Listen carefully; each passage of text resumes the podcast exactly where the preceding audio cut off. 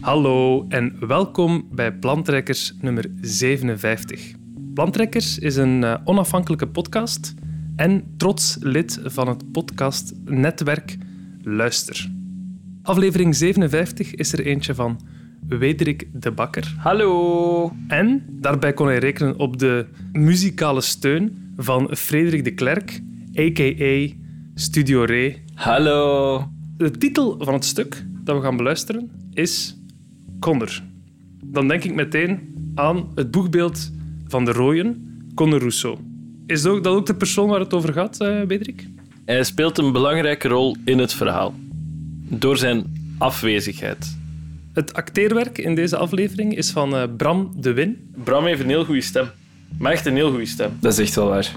Als hij zoiets schrijft, wat dat zo een, eh, een rare toon heeft tussen extreem treurig en grappig, dan is het soms een uitdaging om mensen dat uitgelegd te krijgen van wat je eigenlijk naar op zoek bent. Maar zowel Bram als Frederik hebben zich uh, uitzonderlijk goed van die taak gekweten. Ja, ofwel hebben ze een sterk inlevingsvermogen of een identificatie met het verhaal. Frederik, was het leuk om aan de muziek te werken? Of op welke manier hebben ze de muziek geconstrueerd? Ik heb mij een heel duur, nieuw, leuk uh, pianootje gekocht. En ik heb daar uh, gewoon dingen mee gedaan waarvan ik niet wist hoe dat het werkte. Ja. Hoe heet de piano? De DeepMind 12 van Beringer. Hmm. Toch nog Beringer. Toch? Zo goed gaan de zaken dan ook weer niet. Uh... Oké, Beringer is een heel controversieel merk, maar die hebben de afgelopen jaren heel veel heel kwaliteitsvolle synthesizers en elektronica gemaakt. Wilt je nog iets zeggen, Wederik?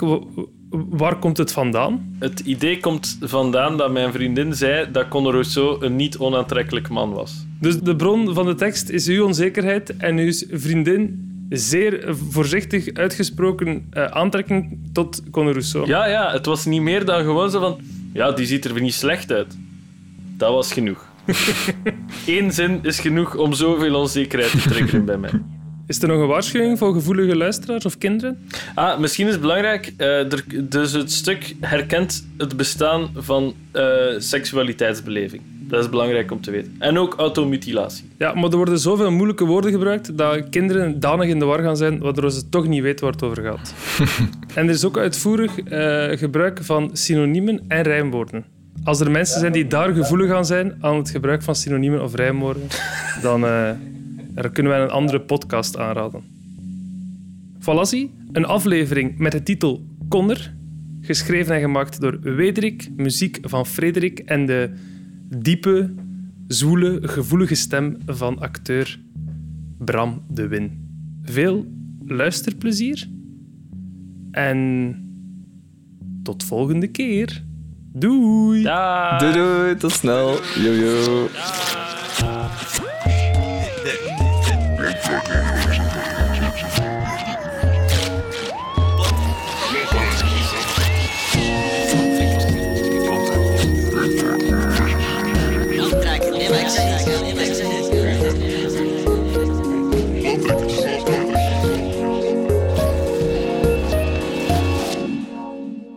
Plan Trekkers proudly presents Connor, a story about a lack of love, a lack of passion, and a lack of virility.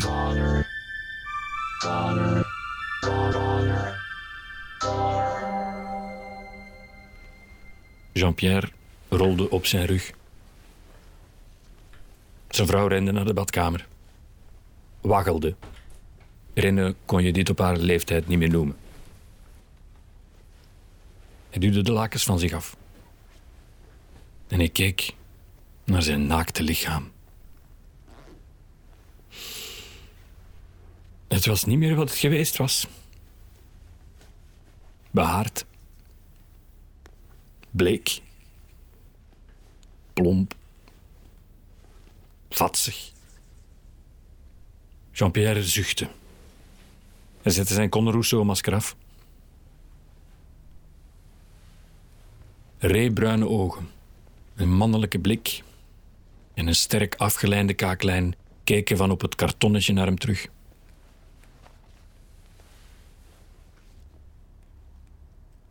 Zonder Conor Rousseau was er geen lichamelijkheid meer in zijn relatie. Voor zijn vrouw een stimulatie.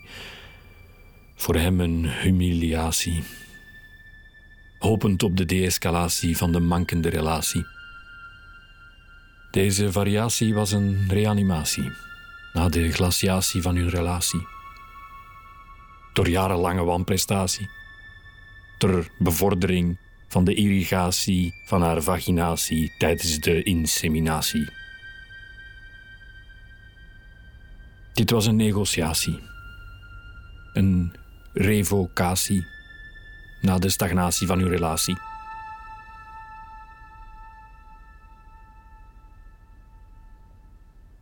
Waarom kon hij er niet meer uitzien als de eye candy van de Socialistische Partij? Matekes, vandaag moeten vooral blijven gaan. Waarom had hij geen zongebruinde kuiten met lange witte sokken, witte tanden als van parelmoer, brede fitnessboy schouders en een huid zo zacht dat hij gemaakt leek te zijn van een kruising tussen wasverzachter en pasgeboren baby's?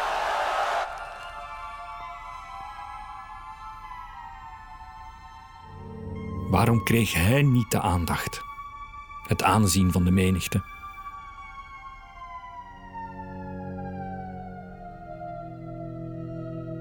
Hoe kan je nu en knap, en slim, en gevat, en charismatisch zijn? Hoe is dat zelfs mogelijk? De wereld streeft naar evenwicht, dacht hij. Als sommige mensen alles krijgen, dan hebben andere mensen niks. Evenwicht. Connor en hij waren exact elkaars tegenovergestelde. Zelf zag hij eruit als een soort uitgezakte pudding. Hij was zo behaard dat hij zijn hele lichaam met shampoo moest wassen. Hoewel hij een man was, had hij toch striemen op zijn buik. Zijn tanden waren geel, als dode kuikentjes. Zijn geslacht was ja, een, een treurig hoopje verschrompeld vel. Zijn vrouw gibberde altijd dat het wel een paar maatjes meer mocht zijn. Dat een vrouw van haar kaliber daar wel weg mee kon. Met een paar maatjes meer. Deze gedachte maakte Jean-Pierre er niet vrolijker op. Een enkele traan liep van zijn wimper naar beneden.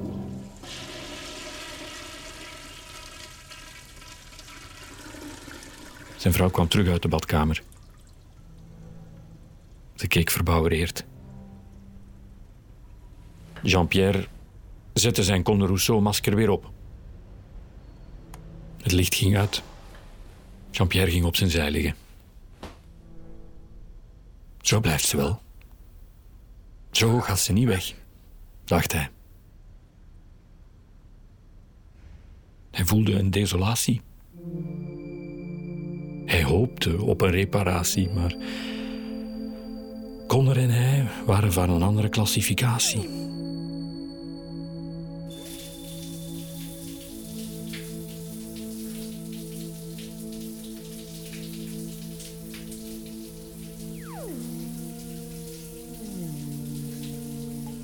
Jean-Pierre keek zichzelf aan in de badkamerspiegel. De teel boven de spiegel flikkerde af en toe. Het grasgroene email van de badkamer lichtte even op. Het glas was bewasemd. Gelukkig maar. Hij zette het raam open. Langzaam werden de vatsige contouren van zijn gezicht duidelijker. Zijn grauwe huid zijn haakse neus, zijn ogen die te dicht bij elkaar stonden. En dan had hij het alleen nog maar over zijn gezicht. Hij zette een stap naar achter. Naast zijn lelijke varkenskop kwam nu ook zijn vette, bleke, behaarde penzetkader in. Zijn dikke, papperige dijen. Hij bleef stokstijf staan als een mannequin voor mannen die het al heel lang geleden opgegeven hadden. Jean-Pierre beelde zich in hoe Connors morgens voor de spiegel stond. Hoe hij zijn gladde, gebruinde bast langzaam afdroogde met een dikke, dure handdoek. Zijn schouders, zijn buikspieren, zijn tepels, zijn dijen.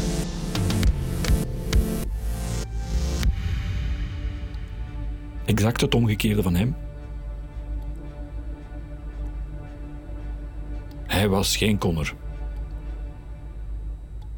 Eerder een kon het niet. Zo noemde zijn vrouw hem vaak kon het niet. Zeker wanneer ze maandelijks seks hadden. Of wanneer hij seks met haar had. Wanneer hij drie minuten lang bovenop haar aan het hengsten was. Hij voelde zich een soort Vlaamse Quasimodo. Maar dan zonder dat prachtige karakter die de misvormde goedzak van de Notre-Dame kenmerkte. Maar misschien zat er een konner onder die dikke speklaag. In een kokon. Te wachten tot hij zijn vleugels kon uitslaan. Hij trok zijn roze badjas aan en wandelde de kamer uit. Kon hij maar quasi-konner worden?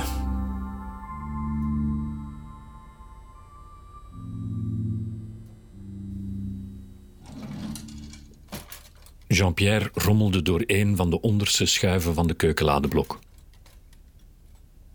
Hij kwam terug de badkamer in. Badjas open, broodmes in de hand. Genoeg gejammerd. Tijd voor verandering. Maandenlang bracht hij door in afzondering. Er werd gehakt. Er werd gezaagd. Er werd aan de deur van de badkamer geklopt door zijn vrouw om te vragen of hij ooit nog weer naar buiten zou komen. Maar dagen passeerden, maanden passeerden. Een heel seizoen ging voorbij, tot hij klaar was om de kamer te verlaten. Als alle wonden geheeld waren, alle kroeten verdwenen. Hij keek in de spiegel. Langzaam sloeg hij de windels van zich af. Zijn lippen ontbloten, zijn mond, zijn wangen, zijn jukbeenderen, zijn ogen. Er keek geen Jean-Pierre terug, maar een nieuwe man. Met zelfzeker blik. Een man met sprekende gelijkenissen met Con Rousseau. Tenminste, als je je ogen half sloot en je fantasie gebruikte.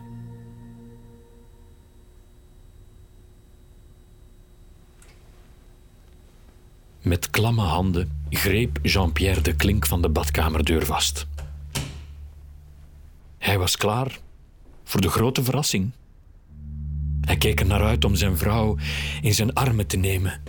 In zijn stevige, mannelijke, gebruinde armen met zijn nieuwe looks. Zijn nieuwe hij. Dichter bij Connor zou hij nooit komen. Hij kwam de woonkamer binnen. Korte, spannende short aan. Witte kousen, hoog opgetrokken. Hippe sneakers aan de voet. Connor 2.0. Met een zwierige flair opende hij de keukendeur. Hij verstaarde. Aan de keukentafel zag hij een perfecte mond. Met zacht glanzende lippen. En parelwitte tanden die gulzig een croissant verorberden. Reebruine ogen staarden zelf genoegzaam voor zich uit.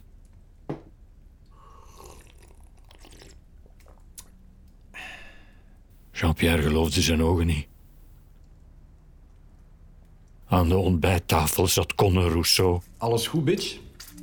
Je vindt het toch niet erg dat ik op jouw plaats aan tafel zit? Zijn vrouw bakte eitjes. Had een zachte glimlach op haar gezicht. Is er een tram over uw gezicht gereden of zo? Man, jij ziet er slecht uit. Connor nam gulzige beten uit zijn croissant. Hij gromde opgelucht. Zondag. Zalig toch? Ik heb goed geslapen. Hij grijnsde breed naar Jean-Pierre's vrouw. Niet veel, maar wel goed. Hoe kon iemand zoveel zelfvertrouwen uitstralen? Alles voor de kiezers. Alles. Jean-Pierre bleef stokstijf staan. Coole sokken wel. Zijn linker ooglid begon te trillen. Hij zou nooit meer voor de rode stemmen.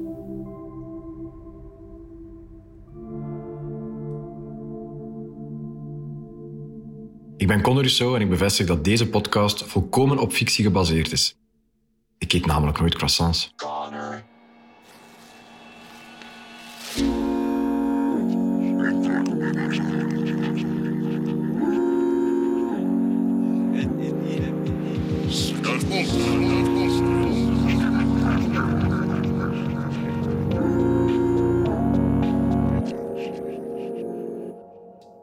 Plantrekkers maakt deel uit van het podcastgezelschap Luister. Luister. Kijk zeker eens op luister.be met een y.